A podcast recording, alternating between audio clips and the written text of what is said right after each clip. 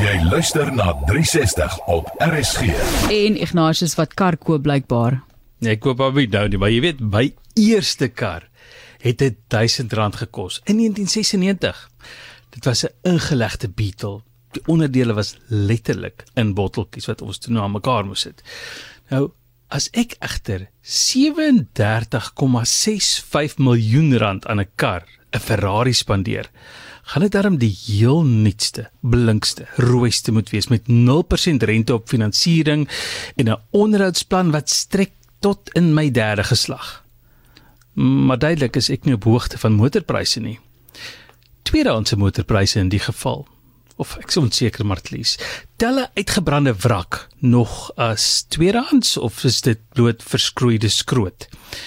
Nou die prys op 'n veiling was steeds 2 miljoen dollar. Nou as dit nie geldwasery is nie, is daar nog 'n groot klomp geld vir herstelwerk nodig. Wat die geld gekoop het, is die uitgebrande dop van 'n 1954 500 Mondial Spider Series 1 waarvan slegs 13 vervaardig is.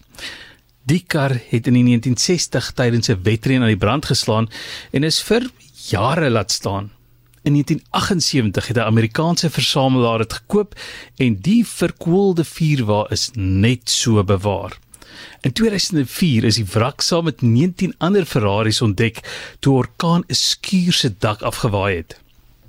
So ken ek nie juis karre se pryse nie. Duidelik die tweedehandse karre nie. Ook nie nuus nie, want ek het nou net nog verwagtinge van 'n nuwe kar vir 37,65 miljoen rand gehad. Ek sien die nuutste Rolls-Royce La Rose Noir Droptail Roadster kos meer as 20 miljoen pond.